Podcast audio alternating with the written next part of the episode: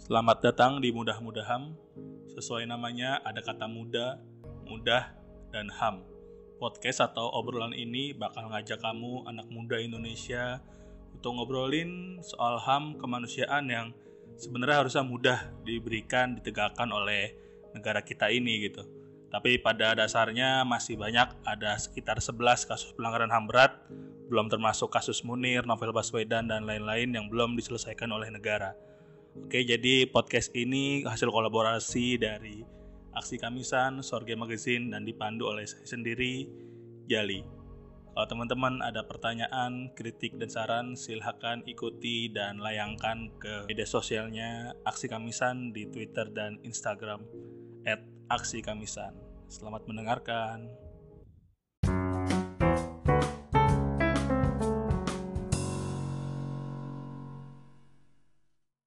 Oke, selamat datang di Mudah-Mudahan episode 6. Kali ini kita bakal ngobrolin soal hal yang penting banget nih buat diketahui sama anak-anak muda yakni soal tragedi Mei 98 tahu biasa teman-teman tahu dari buku pelajaran dan sebagainya periode atau momentum reformasi yang berarti sekarang 2019 usianya udah 21 tahun nah kita udah kedatangan tamu yang bakal kita ajak ngobrol soal hal ini relate banget sama kejadiannya karena kabarnya dulu merupakan mahasiswa dari Trisakti, terus sekarang juga berkesempatan jadi dosen di Fakultas Hukum Universitas Trisakti. Langsung aja kita sapa teman ngobrol kita kali ini, nih Bang Haris Azhar. Halo Bang Haris. Halo. Lagi gimana nih kabarnya? Uh, agak-agak kering puasa. ya, ini jadi direkam sambil puasa di Ramadan 1440 Hijriah bertanggapan tapi nggak bikin kita lemes untuk belajar nyari tahu lagi soal sejarah bangsa kita salah satunya di momen reformasi 98. Bang Haris dulu boleh cerita gak 98 dulu kalau salah masih mahasiswa ya? Apa gimana tuh? Masih, masih mahasiswa, masih kuliah. Di Fakultas Hukum Trisakti. Fakultas Hukum Trisakti masih kuliah. masa-masa akhir lah tuh sebelum lulus. Oke, masih skripsian gitu-gitu ya. Iya. Uh, ikut berarti itu Bang ya?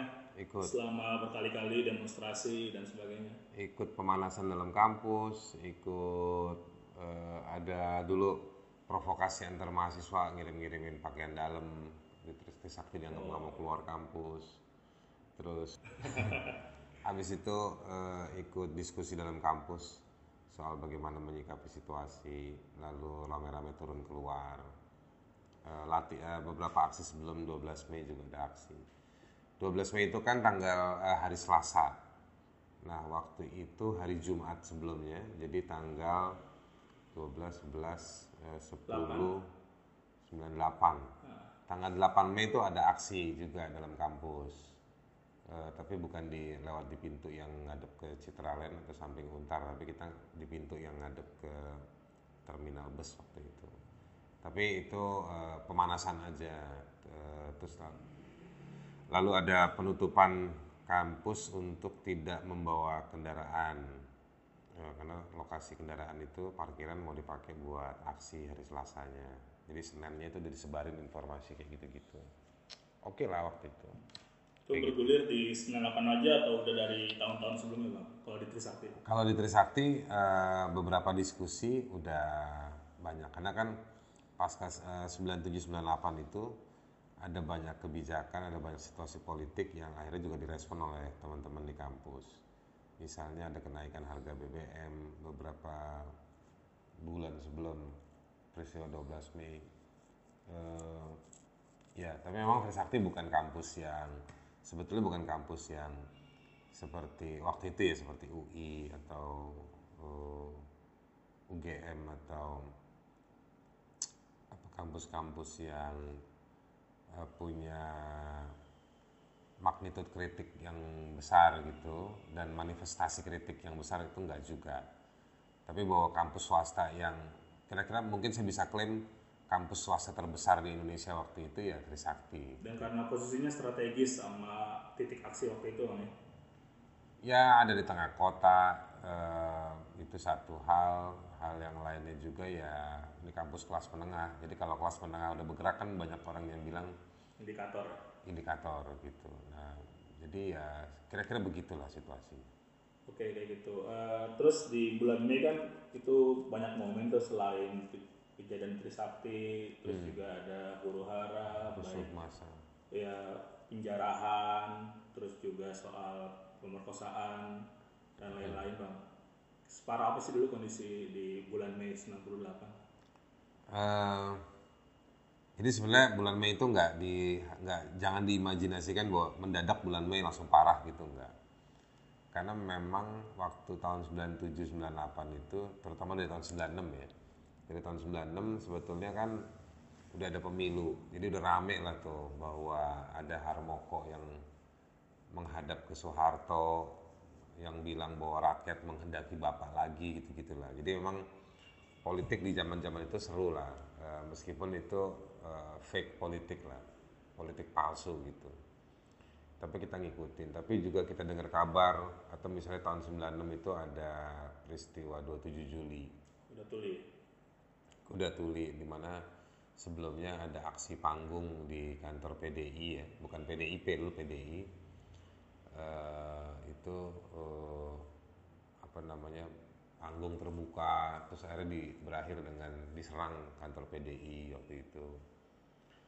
Nah, lalu ada peristiwa pemilu 97 uh, setelah pemilu 97 uh, tetap bergulir uh, hitting ya apa namanya proses uh, di, perdebatan uh, perdebatan politik Eh, jadi pemilu itu nggak dianggap menyelesaikan masalah, tapi masalah masih banyak. Uh, apa namanya kumpulan massa di mana-mana terjadi, kumpulan massa di mana-mana terjadi, lalu muncul tokoh-tokoh, lalu masuklah sampai ke masa-masa bulan Mei itu. Di masa-masa itu juga banyak kekerasan sebelumnya, sebelum bulan Mei. Jadi serangan terhadap mahasiswa itu bukan terjadi cuma di bulan Mei, tapi di bulan-bulan sebelumnya Ya, penculikan-penculikan juga di bulan Penculikan, Maret. penghilangan orang itu terjadi di akhir tahun 97, lalu awal tahun 98 itu terjadi. Uh, jadi begitu masuk ke bulan Mei tambah meningkat dan memang sebetulnya uh, kalau kalau saya sih mungkin secara nggak profesional saya bilang grafik aksinya perlahan meningkat bukan ekstrim meningkat dan tiba-tiba pecah di Trisakti Nah begitu pecah di Trisakti itu kayak meledak. Habis penembakan di Trisakti, eh, manifestasi eh, manifestasi kritik, dukungan dan solidaritas itu makin tumpah ruah dan datangnya bukan cuma lagi menuntut Soeharto turun tapi juga sudah marah karena ada mahasiswa ditembak dan ini di Jakarta bukan di daerah gitu. Uh, jadi itu tambah berlipat-lipat antara sedih, semangat, dan pantang mundurnya berlipat-lipat. Lalu ditambah lagi ada provokasi e, berupa serangan-serangan ke etnis Tionghoa. Ya, kata-kata pribumi itu muncul banyak banget waktu itu. Ya? Iya, e, pribumi, e, pribumi Muslim, ya, menulis-nulis kayak gitu ya. Kayak sebagai mau kasih tahu, jangan kita yang diserang gitu-gitu ada ratusan nih perempuan diperkosa, terutama perempuan etnis Tionghoa. Lalu ada banyak tempat-tempat dijarah, dibakar. Ada masa yang bergerak yang kita nggak tahu nih dari mana masa ini, siapa yang menggerakkan. Tapi juga ada ya mahasiswa tetap bergerak juga. Jadi ada yang rusuh masa, ada masa rusuh, ada masa yang bergerak juga gitu. Nah saya waktu itu ada di Jakarta eh, melihat semua itu di hari sesudah 12 Mei kita nguburin Elang di mana nih? Di Bintaro, Tanah Kusir. Uh, jadi dalam perjalanan ke sana kita lihat banyak udah mulai orang turun di jalan di kota di Jakarta gitu ya. Terus uh, di hari-hari berikutnya 14 15 tuh udah mulai parah tuh. Semakin uh, semakin rame lah. Bakar sana, bakar sini, masa di sana, masa di sini itu karena emang murni faktor ekonomi yang semakin parah, harga-harga meningkat, atau emang ada bacaannya uh, digerakkan oleh sekelompok orang dulu sehingga kalau waktu itu terlibat, gitu. waktu itu sebenarnya begini, kalau yang saya rasakan di di beberapa wilayah itu uh, kita malah jaga kampung, uh, cuman jaga kampung, kita nggak nggak keluar karena sentimen lapar harga meningkat atau eh, stok pangan nggak ada itu nggak begitu. Nah kita cuma ngumpul aja tiap malam itu jaga kampung. Karena denger ini mau diserang itu mau diserang. Nah terakhir saya kita cuma sama rame-rame mikir sebenarnya yang mau nyerang siapa? Kalau ada katanya ada masa dari daerah Priuk mau kayak diadu domba gitu. Nah terus nanti ada mobil lewat bilang tuh masa dari sana udah di di daerah mana? Gitu. Ya terus emang dia nggak ngelewatin berapa kampung. Emangnya dia nggak dicegat dulu sama orang kampung-kampung yang dilewatin gitu. Nah, jadi itu sebetulnya emang provokasi-provokasi yang kita nggak ngerti itu dari mana dan siapa apa tujuannya. Ya, belakangan kita baru tahu begitu kita ungkap lewat investigasi dan lain-lain itu memang upaya untuk ngadu domba masyarakat kira-kira gitu yang menciptakan situasi genting supaya terjadi. Iya, betul. Yang mau menciptakan situasi genting uh, dan panik gitu. Oke, Bang. Uh, kasus Trisaktinya kan belum ada pengadilan HAM-nya dan sebagainya, tapi udah ada bentuk-bentuk memorialisasi tuh kayak misalkan ada halte Transjakartanya udah ada namanya Grogol 12 Mei hmm. 1998 gitu. Menurut Abang cukup gak untuk menutup luka dari para korban waktu Elang dan kawan-kawan serta teman-teman mahasiswa bahkan sampai sivitas akademika hari ini kali ya yang atau bahkan rakyat Indonesia secara umum melihat ada kejadian begitu parah sehingga hmm. menewaskan mahasiswa pada saat beraksi berunjuk rasa dalam menuntut banyak hal tapi tiba-tiba uh, lewat peluru tajam yang juga dibeli oleh uh, kayak duit kita di APBN itu uh, aparat berhak melakukan hal itu di hari itu kalau tanggung jawab negara kan sebetulnya bukan ngasih nama halte pakai nama peristiwa itu. Itu cuma salah satu ekspresi kecil aja. Kalau tanggung jawab negara itu ya harusnya mengungkap fakta yang resmi gitu versi negara seperti apa. Nah fakta itu juga yang dipakai untuk e, menyelesaikan jika memang ada persoalan hukum di sana yang kedua, memberikan pemulihan atas situasi dampak buruk dari situasi tersebut. Nah, dari dua hal itu saya bisa bilang begini, kalau misalnya peristiwa hukum, kalau pakai pendekatan hak asasi manusia, mestinya siapa dicari siapa yang paling bertanggung jawab. Ada yang bilang bahwa dulu kan udah ada pengadilannya, polisi yang nembak itu udah diadili, ya itu kan cuma level lapangan. Tapi bahwa mereka datang ke lokasi dan menembak mahasiswa, itu kan mereka tergabung dalam PPRM pasukan penghalau rusuh massa. Itu dulu panglimanya yang bikin ini namanya Wiranto panglima ABRI waktu itu. Itu Wiranto yang sekarang jadi Menko Polhukamnya Jokowi. Dulu Menpangap ABRI ya sebutannya. Dulu dia nggak dia panglima TNI eh panglima ABRI dulu. Uh, nah dia yang bikin PPRM dan dia memang kasih perintah. Jadi ada headline besar tuh di koran Kompas Eh, keluar koma tembak. Itu dikutip sama media-media. Jadi maksudnya kalau keluar pagar kampus tembak aja. Dia yang perintahkan kok. Nah mestinya orang-orang seperti ini yang dimintain pertanggungjawaban. Karena dia yang kasih perintah buat ABRI waktu itu TNI dan polisi untuk nembak mahasiswa. Nah uh, jadi dimintain pertanggungjawaban hukumnya seperti itu. Yang kedua memulihkan memulihkan itu artinya begini nih. Dari peristiwa tersebut apa sih dampak buruknya? E, apa yang terjadi? Nah ini yang menurut saya e, harusnya dilakukan.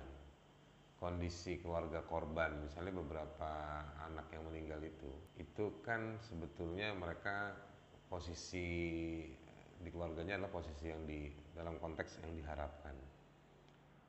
Artinya anak-anak yang memang yang suatu hari mereka itu diharapkan jadi pengubah keadaan ya uh, keluarga.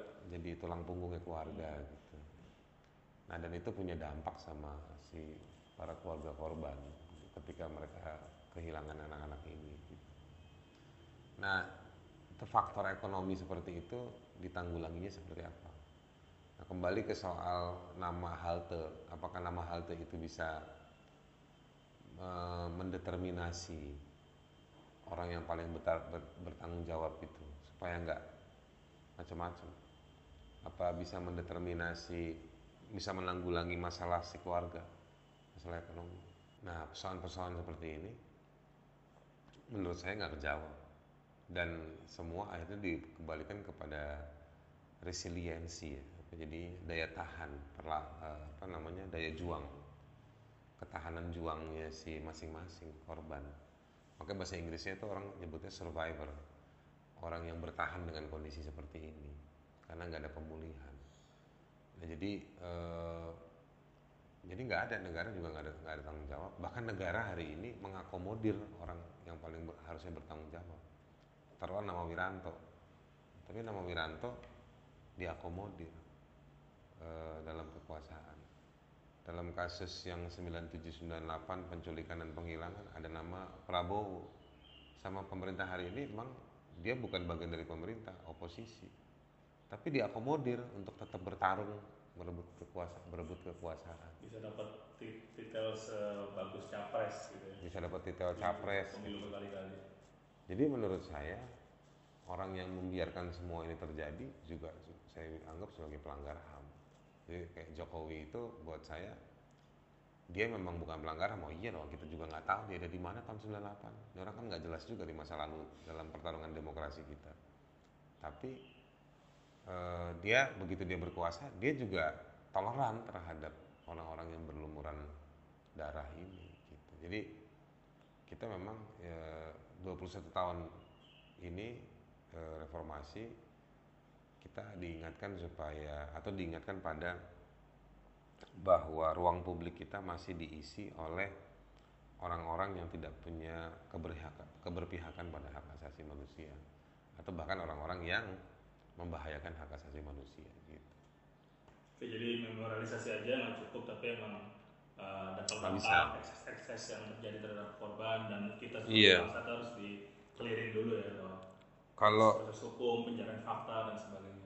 memorialisasi itu kan bagian dari upaya kita mengingat bahwa kita dulu pernah berluka dan berduka dan bagaimana kita trauma untuk tidak mengulangi hal tersebut. Tetapi itu harus menjadi ending atau bagian tahapan-tahapan tertentu di bagian akhir setelah kita juga mampu melewati masa-masa sulit. Masa sulit itu bukan cuma ketika uh, membiarkan luka itu mengering, tetapi masa sulit itu juga ketika kita berusaha mengadili, membuka fakta, menuntut negara mengakui fakta, mengadili penjahatnya, dan memulihkan. Nah, memulihkannya itu kemudian baru ada namanya memorialisasi. Dan bahkan Trisakti bukan yang terakhir kan di tahun yang sama terjadi di Semanggi, tahun berikutnya juga terjadi di Semanggi, Iya. dan di beberapa titik di daerah lain. Mungkin waktu itu masih Wiranto Panglima Abrinya. Tetapi sampai hari ini kita masih mengalami yang namanya pelanggaran HAM, kekerasan, kebrutalan, kekejaman, kejahatan politik. Itu masih Kriminalisasi. Itu semua adalah bentuk-bentuk manifestasi atau ekspresi dari eh, otak busuk, otak buruk, otak bulus eh, kekuasaan. Nah, kalau makanya kekuasaan ketika tidak pernah dikoreksi secara baik, maka dia akan mengulangi meskipun dalam bentuknya yang lain. Apalagi kalau kekuasaan itu mengakomodir pelaku yang lama dalam kekuasaan. Nongol lagi orang ini, nongol lagi si itu, nongol lagi si ini. Nah, dia akan mengulangi, potensi mengulanginya besar. Nah ini uh, tadi udah nyinggung soal 21 tahun reformasi Suatu momentum yang kayaknya disakralin banget sama banyak orang Apalagi para pelaku di lapangan waktu itu yang Hmm. bikin keadaan berubah gitu dari otoritarian Negara yang serba fasis, keras, kejam dan sebagainya jadi negara yang lebih demokratis Sepakat gak sama term kayak gitu bang? Bahwa kita berubah, iya. Bahwa kita tumbuh dengan sejumlah hal. Misalnya saya kerja di bidang hukum dan HAM, pertumbuhan hukum, perubahan itu ada. Tetapi stagnansi juga ada. Jadi gini, perubahan, pertumbuhan hukum itu ada, tetapi pertumbuhan dan perubahan hukum itu tidak memberikan dampak pada perubahan yang real. Karena perubahan yang real ternyata tempat-tempat yang real itu atau institusi-institusi yang tumbuh yang baru diisi oleh orang-orang yang baru tetapi cara berpikirnya, konservatismenya tetap ada dan dia mewakili kepentingan-kepentingan kelompoknya. Jadi dulu kalau dulu istilah kalau pakai bahasa kelompok anti korupsi, dulu kalau korupsi itu terpimpin, tersentralisasi, sekarang terdistribusi, terdesentralisasi. Jadi siapa pun melakukan korupsi. Dulu kekerasan itu dikuasai oleh negara, sekarang kekerasan itu juga dilakukan oleh banyak pihak. Jadi pelanggaran, kejahatan itu dulu terkonsentrat di kekuasaan, sekarang kekuasaan juga dekonsentrat kan, jadi uh, tersebar di mana-mana dan mereka melakukan uh, abuse of power, kekerasan, pelanggaran HAM, korupsi di tingkatan mereka juga sendiri. Jadi memang ada perubahan itu dalam demokrasi, dalam perubahan 98. Apakah kita menyesali demokrasi kok kayak gini? Enggak, jangan juga menyesali. Justru uh, kita terlalu lunak terhadap proses demokrasi ini lunak dalam arti membiarkan kepada para bandit menguasai ruang-ruang politik, ruang-ruang sosial. Mestinya eh, orang-orang baik, orang-orang yang ber, bekerja ber, bersuara untuk soal hak asasi manusia, penegakan hukum, eh, soal-soal keadilan itu yang harusnya mengisi masuk ke dalam ranah-ranah itu. Berarti bisa kita maknai malah berubah tapi malah menjadi lebih buruk bang? Karena kan kalau nggak lebih buruk. Saya nggak bisa menilai karena nggak bisa nggak waktu itu masih kecil yeah. nggak bisa ngerasain banyak. Bukan lebih buruk sih, tapi menurut saya punya tantangan baru yang juga buruk, yang juga berat gitu. Uh, tapi peluang kita untuk melawan juga ada. Kita jauh lebih baik untuk melawan hari ini dibanding zaman Soeharto. Tapi bahwa kondisi hari ini akan terus memburuk, iya. Eh, bahwa yang namanya hukum nggak dipakai oleh penguasa dalam beberapa tahun terakhir ini. Kondisi kita iya. Salah satu indikator perubahannya juga kan orang-orang yang dulu aktif uh, demo bikin uh, unjuk rasa dan sebagainya kritis bikin tulisan dan lain kita soal 98 soal negara daerah itu dan banyak juga masuk ke pemerintahan. Banyak gimana apakah mengubah atau malah ikut jadi bagian yang bikin uh, keburukan-keburukan buat masyarakat? Saya ngeliat banyak bekas direktur-direktur organisasi LSM yang suara bersuara lantang sekarang kerja di pemerintahannya Jokowi. Ya, saya sih turut bahagialah selama mereka punya uang buat ngidupin dapurnya gitu. Sempat ditawarin nggak bang selama ini? Enggak, karena saya juga memang orang mungkin saya juga udah pernah tegas-tegas bilang saya nggak tertarik bergabung sama pemerintahan hari ini gitu ya. beberapa temen yang dulu ada di jalanan ada di organisasi masyarakat sipil ada di akademik gitu ya akademisi yang dulu kalau kita ngelihat tulisan omongannya baca apa dengerin omongannya cara berpikirnya cukup menarik tapi begitu kerja masuk ke pemerintah ya ya lumayan lah bawa-bawa map aja dia gitu. Bisa ngupload-ngupload foto di sosmednya bahwa dia diundang sana diundang sini gitu. Ya itu aja sih nggak ada yang berubah gitu dari mereka. Nggak ada yang berubah dari situasi. Jadi ini yang dulu dari dulu saya khawatir ya dalam dunia advokasi itu. Anda punya fakta, Anda punya mekanisme, Eh, dan Anda bisa dalam mekanisme itu Anda bisa melakukan lobby atau campaign bawa fakta itu supaya ada perubahan. Ternyata tidak berubah, yang berubah posisi Anda.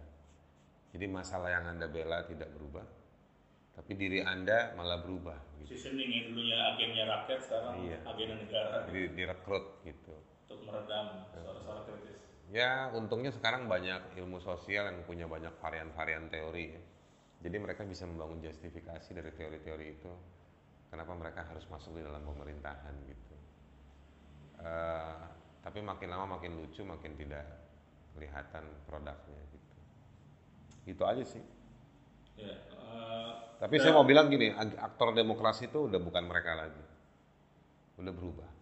Siapa seharusnya sekarang? Sekarang banyak banyak, artinya bukan bukan orangnya ya, orangnya bukan mereka lagi jadi eh, pertumbuhan penduduk kita, pertumbuhan masalah, kesadaran pertumbuhan terhadap masalah itu sekarang lagi menyebar luas di masyarakat. Dan di dalam masyarakat itu tumbuh eh, aktor-aktornya gitu. Eh, dan ya ada aktor-aktor CSO, aktor-aktor demokrasi itu ada kok tumbuh. Cuman kita ya. dari warga muncul. Kelompok hobi, kelompok interest, ya kan? Ya orang-orang ini mungkin nggak sepinter orang-orang LSM ini gitu ya. Tapi ya mereka bergerak gitu. Jadi menurut saya eh, dinamika demokrasi di tingkatan bawah itu cukup hidup, cukup hidup. Apalagi dibantu dengan teknologi informasi. Nah, aktor-aktor demokrasi yang banyak baca buku, punya akses pada kekuasaan itu ya ada, tapi ya udah terlalu rumit kalau ngikutin mereka gitu. Gitulah. Ya, sebagai sosok yang mengalami fase lumayan banyak di perjuangan 2098 sampai sekarang di 21 tahun kemudian 2019 dan kayaknya menghadapi aktor yang kurang lebih sama bahkan individu yang sama yakni Wiranto gimana refleksi Bang Haris? Ya, saya cuma mau bilang buat masyarakat yang anda hadapi hari ini yang dulu kita hadapi juga gitu. Itu satu. Waktu kita menghadapi uh, aktor-aktor agen-agen otoritarianisme ini seperti Wiranto, Hendro Priyono ini, ya kan? Posisi kita dulu seperti apa dan hari ini orang-orang yang dulu menghadapi aktor-aktor otoritarian ini itu sekarang juga ada dalam posisi-posisinya si Wiranto satu satu blok sama mereka gitu. Jadi dinamika politik membuat banyak aktor-aktor demokrasi itu harus menjadi berdiri bareng dengan aktor-aktor otoritarian seperti Wiranto dan lain-lain. Atau ada orang-orang yang naif yang mau bicara soal demo, seolah-olah berdemokrasi, tapi harus bernegosiasi dengan aktor otoritarian seperti Jokowi sendiri misalnya kayak gitu. Maksud saya begini, saya mau bilang jangan naif melihat hari ini gitu membela satu atau dua gitu ya. Bahwa di balik satu dan di balik dua itu ada konstruksi dan sejarah panjang yang mengandung unsur-unsur mereka itu dari mana dulu gitu. Nah harus berani jujur dan melihat itu semua. Bisa jadi mereka satu sisi sebenarnya dan yang rugi ya, yang rugi ya kita kebanyakan gitu, Iya. masyarakat. Ya kita harus melihat eh, kepentingan warga, kepentingan kita sebagai warga ini apa. Gak usah kepancing pada soal blok politik satu dan dua atau pilihan-pilihan siapa baik, siapa buruk. Buat saya, buat mereka, buat saya ngeliat mereka itu semua sama aja. Dulu mereka itu di hari ini kita itu kan tidak lepas dari masa lalu kita. Masa lalu kita dulu dihantui oleh mereka, ya kan? Yang namanya Prabowo, Wiranto, ini kan jenderal-jenderal yang dulu menghantui, menghantui warga, gitu. Orang-orang yang ada di kekuasaannya otoritarian Soeharto kok tiba-tiba hari ini mereka seperti aktor-aktor demokrasi yang pahlawan-pahlawan negara yang mau menjaga keamanan, memperbaiki martabat bangsa. Mereka-mereka ini ngerusak martabat bangsa menurut saya. Gitu. Nah, kita kita harus berani secara melihatnya secara komprehensif ke belakang dan ke depan. Kira-kira gitu. Oke, mungkin terakhir Bang, ada harapan pesan-pesan mungkin buat kita kita nih para pendengar karena ditargetkan buat anak-anak muda terus bisa jadi ntar mahasiswa-mahasiswa Trisakti untuk bisa meneruskan perjuangan teman-teman mahasiswa dulu Kalau terus kita Oh. mudah-mudahan bisa bareng-bareng mewujudin apa yang kita inginin negara yang lebih humanis, adil dan sebagainya. Kalau saya cuma mau bilang eh, kita jangan pernah takut, jangan pernah males, harus tetap kreatif untuk tetap melihat dan mengekspresikan apa yang kita lihat sebagai sebuah eh, kritik. Kalau kita melihat sesuatu dan kita nggak menerimanya, kita harus bisa menyuarakan, bisa mengekspresikan bahwa ada represi dari negara, secara jadi modelnya ada represi ada dibius ngelobi-lobi disuap gitu ya. Suap-suap halus dirayu-rayu. Nah itu hati-hati. Eh, makin canggih ya model-model represi dan intimidasi itu makin canggih. Tapi kita nggak boleh lengah nggak boleh males harus tetap rajin harus tetap kritis dan harus juga tetap ekspresif. Dan bisa bergerak terus mengerjakan hal yang kecil itu eh, itu bagian dari hal yang besar. Daripada mengerjakan hal yang besar tapi nggak bermakna sekecil apa pun. Jadi menurut saya mari kita berkontribusi satu sama satu dengan yang lainnya. Masih punya banyak hal. Dan kita nggak usah takut sama rejim-rejim atau intimidasi-intimidasi itu. Mereka itu melakukan itu semua karena punya kepentingan bukan karena genuitas pikiran dan hati mereka. Jadi orang-orang ini adalah pecundang semua, bakal bubar. Jadi kita yang akan nanti pasti menang. Gitu. Oke, terima kasih banyak Bang Haris untuk waktunya untuk sesi ngobrolnya di mudah-mudahan episode 6 ngobrolin soal tragedi Trisakti dan Mei 98, 20 tahun reformasi dan sebagainya. Teman-teman terima kasih juga udah denger, jangan lupa dengerin episode-episode sebelumnya, di share di dan sebagainya dibagiin ke teman-teman untuk bisa ngobrolin hal-hal yang lumayan penting ini tapi bisa dibikin seru juga. Terus nanti kita akan ada aksi Kamisan ke 586 di hari Kamis untuk ngomongin soal tragedi di Mei 98 termasuk tragedi tragedi Trisakti.